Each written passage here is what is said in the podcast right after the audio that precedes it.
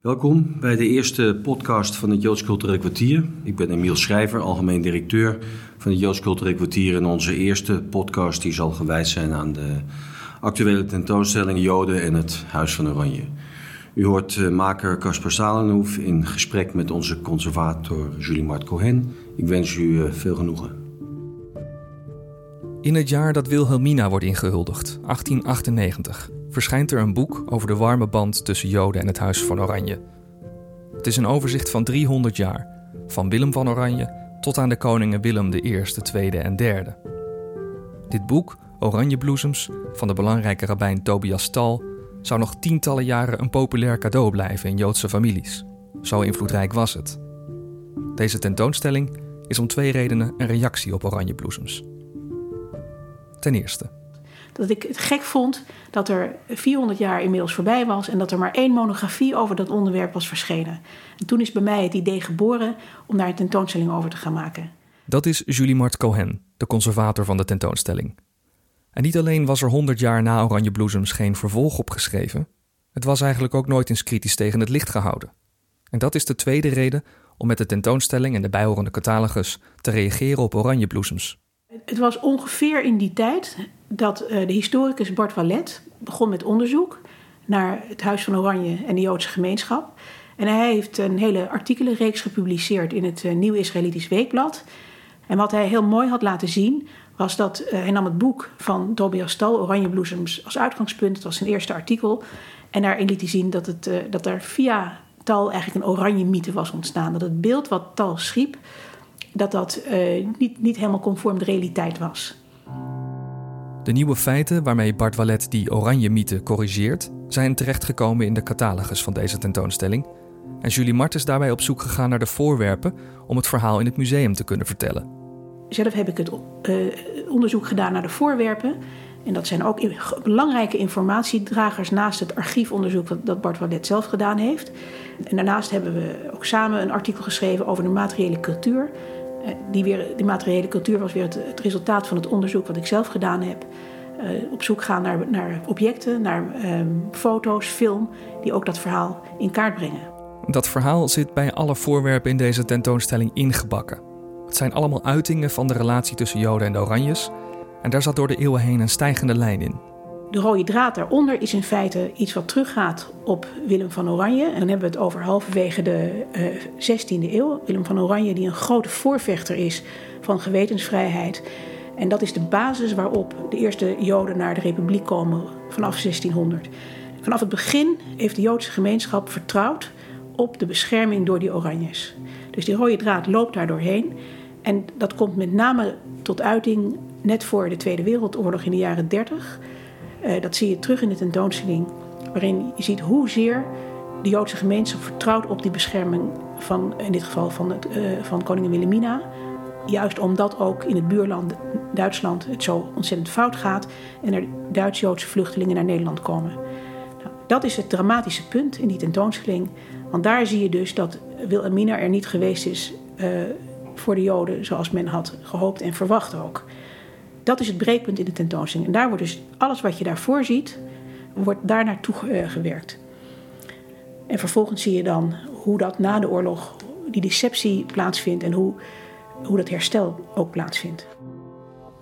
The arrival in the Netherlands of a large number of Jewish immigrants. Voordat we in deze podcast bij dat dramatische punt aankomen, gaan we eerst de tentoonstelling op. Die begint met een toespraak van koningin Beatrix voor het Israëlische parlement in 1995, waarin ook zij spreekt over het Joodse vertrouwen in de Oranjes. These immigrants, many taking refuge from persecution, found a safe haven in our country. De eerste Joden die vanaf de 17e eeuw naar Nederland kwamen, waren afkomstig uit Portugal. Veel daarvan waren aristocraten met internationale handelscontacten. Het eerste hoofdstuk van de tentoonstelling gaat over de dienstbaarheid en vriendschap van deze Portugees-Joodse elite, zoals afgebeeld op dit portret, geleend van het Amsterdam Museum. Dit schilderij waar we nu voor staan is een prachtig kleurrijk schilderij uh, van Francisco Lopes Wasso. En hij was een uh, rijke koopman uh, en een rijke bankier. En die dienstbaarheid van de Portugese Joden aan de stadhouders zat hem onder andere in het feit dat deze, deze mensen, deze Portugese Joden, geld uitleenden aan de stadhouders, zodat zij hun kostbare oorlogen konden bekostigen. Ehm, en dit, hier zien we dus een man met een pruik. En hij zit aan een tafel met een prachtig Persisch tapijt. Wat altijd een teken van rijkdom is. Hij, is, nou, hij, zit, heeft een prachtige kanten kraag heeft hij onder andere. En hij heeft in zijn hand, als je goed kijkt, heeft hij een sinaasappel.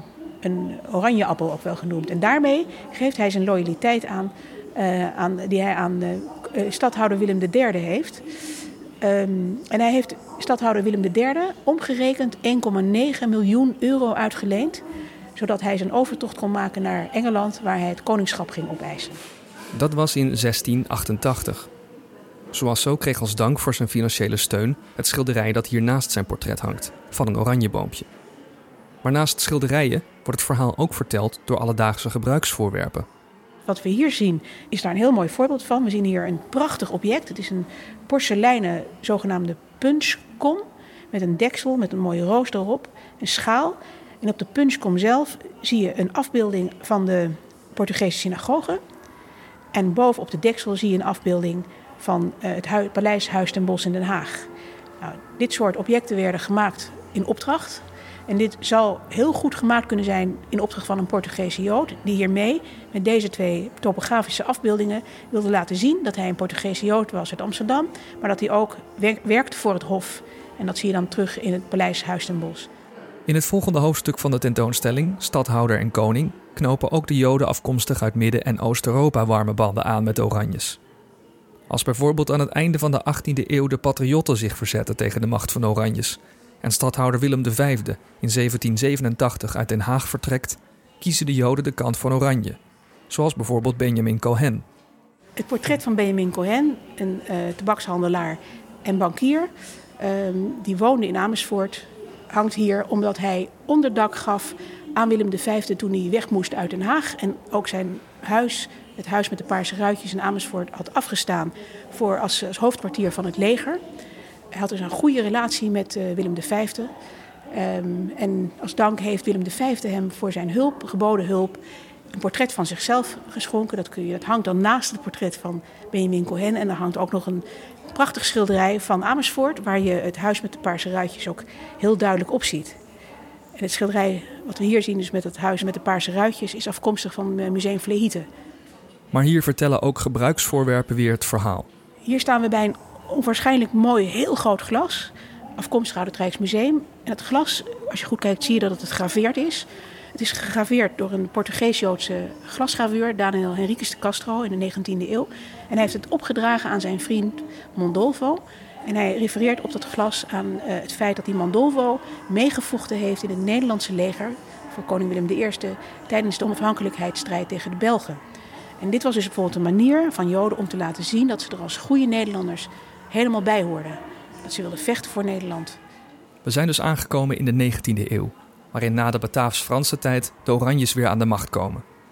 Over deze periode gaat het derde hoofdstuk van de tentoonstelling. Het eh, derde hoofdstuk eh, heet Verdeeldheid en Geborgenheid. En gaat eigenlijk over de periode waarin de oranje cultus wordt gelanceerd door de overheid je krijgt dan de nationale vieringen van de verschillende gebeurtenissen in het leven van de Oranjes. In feite zoals we dat nu ook kennen met Koningsdag, hè, vroeger met Koninginnedag. Eh, waaraan Joden op een precies dezelfde manier gaan meedoen als de niet-Joden. En je ziet wel dat Joden enorm uitbundig meevieren omdat ze zo ontzettend van het Koningshuis hielden en zo loyaal waren aan het Koningshuis. En dat kun je in dit gedeelte heel goed zien. Hier ligt ook het eerder genoemde boek Oranje Bloesems in de vitrine het boek van Tobias Stahl uit 1898. Dat hij daarin terugging op Willem van Oranje is waarschijnlijk ingegeven door het schilderij dat hierboven hangt. Een voorstudie van een grote schilderij wat, uh, waarvan we niet meer weten waar het is. Waarin we aan de rechterkant Willem van Oranje zien, voor zich uitgestald allemaal kostbaarheden die hij verkoopt aan een groep opkopers. En die zijn heel duidelijk als Joden geschilderd. En dat is het beeld eigenlijk uh, wat Tal heeft genomen en waarop hij zich gebaseerd heeft om die grote langdurige verbondenheid van eeuwenlang uh, aan te geven. Daaruit blijkt dat het deels om een oranje mythe ging, want zover terug kon die verbondenheid niet gaan. Willem van Oranje is vermoord in 1584, een flink aantal jaar voordat er in Nederland rijke Joden kwamen om deze kostbaarheden aan te verkopen. En in Tals eigen tijd, aan de vooravond van de 20e eeuw, waren er ook veel Joden onder invloed van het socialisme tegen het Koningshuis. Maar dan, vanaf 1933, door de ontwikkelingen in Nazi-Duitsland, wordt het vertrouwen in de Oranjes echt op de proef gesteld. Ja, en dan wordt het zozeer op de proef gesteld dat je ziet dat zelfs die socialisten terugkeren in de schoot van de Oranjes. Um, in Nazi-Duitsland, jaren 30, zien we dat de Jodenvervolging toenemen. Er komen Duits-Joodse vluchtelingen naar Nederland toe. En uh, bovendien is het ook nog eens zo dat Juliana in 1936 trouwt met uh, Bernhard. En een aantal keren met Bernhard Nazi-Duitsland bezoekt, naar schoonfamilie. En Juliana voelt dat dat niet goed ligt uh, bij de Joodse gemeenschap. En brengt dan een verrassingsbezoek aan de Joodse invaliden. Een bekende instelling voor oude vandaag, Joodse oude vandaag en gehandicapten. en dat wordt enorm door de Joodse gemeenschap gewaardeerd men zegt dan, ja, dat bezoek heeft ons er wel van overtuigd dat de Joden hier veilig zijn onder de beschermende vleugels van het Koningshuis. Uh, nou, dit is een dramatisch keerpunt wat hierna komt, want hierna zien we op de tentoonstelling uh, de oorlog. En je ziet dat het, vertrouwen wat de Joodse gemeenschap al die eeuwen heeft gehad, dat, dat, uh, dat het in de, in de oorlog dat ze daar niet meer op kunnen rekenen. En dat de Joodse gemeenschap aan zijn lot is overgelaten. Hier Radio Oranje, de stem van strijdend Nederland.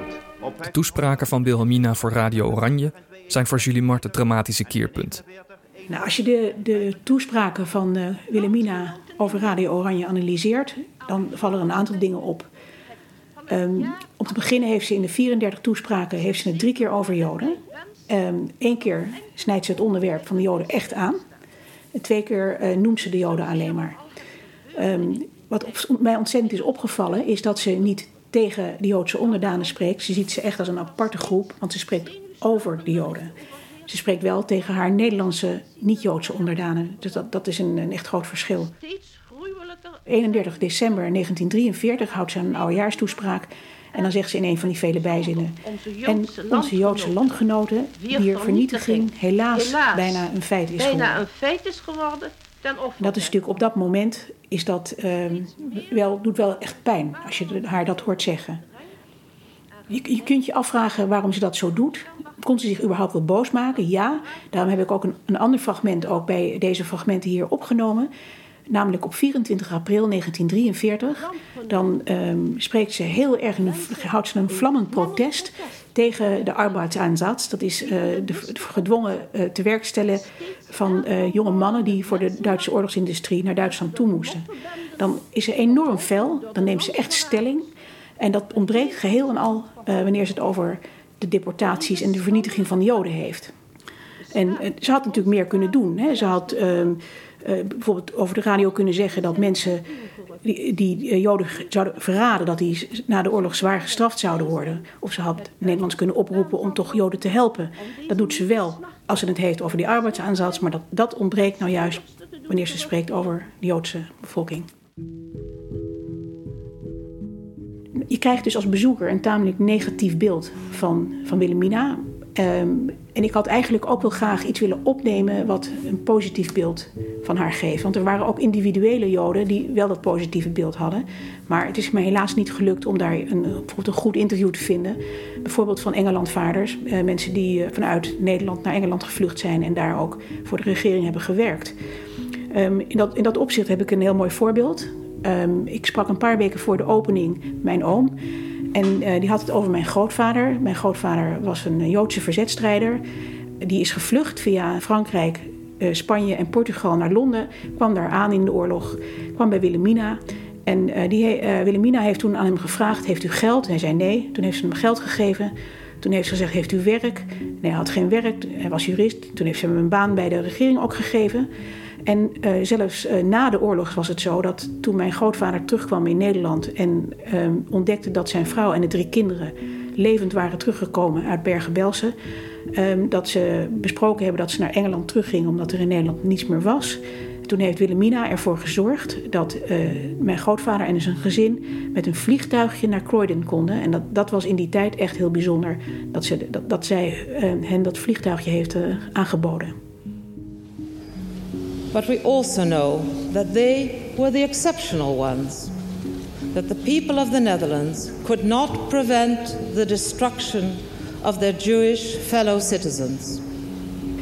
Nou, hier hoor je dus de, stem van uh, koningin Beatrix uh, in 1995, zoals ze gesproken heeft voor de Knesset, het Israëlische parlement, waarin je in feite de climax hoort van het herstel wat na de oorlog is opgetreden. En dat kun je ook op de tentoonstelling zien aan de hand van bezoeken die de, het Koninklijk Huis weer gaat afleggen aan de Joodse gemeenschap. En dat zie je in films en in foto's terug. Um, maar uh, die, die, de toespraak is echt de climax van dat herstel. Een herstel dat eigenlijk opgetreden is dankzij met name Beatrix en Klaus, die zich de Tweede Wereldoorlog enorm hebben aangetrokken. En na de oorlog er werkelijk alles aan hebben gedaan om weer die toenadering te zoeken en te vinden ook tot de Joodse gemeenschap. Vanuit een grote betrokkenheid bij die gemeenschap. Dit is het einde van deze podcast. We zijn benieuwd wat u ervan vond. U kunt onze enquête invullen op jck.nl/podcast.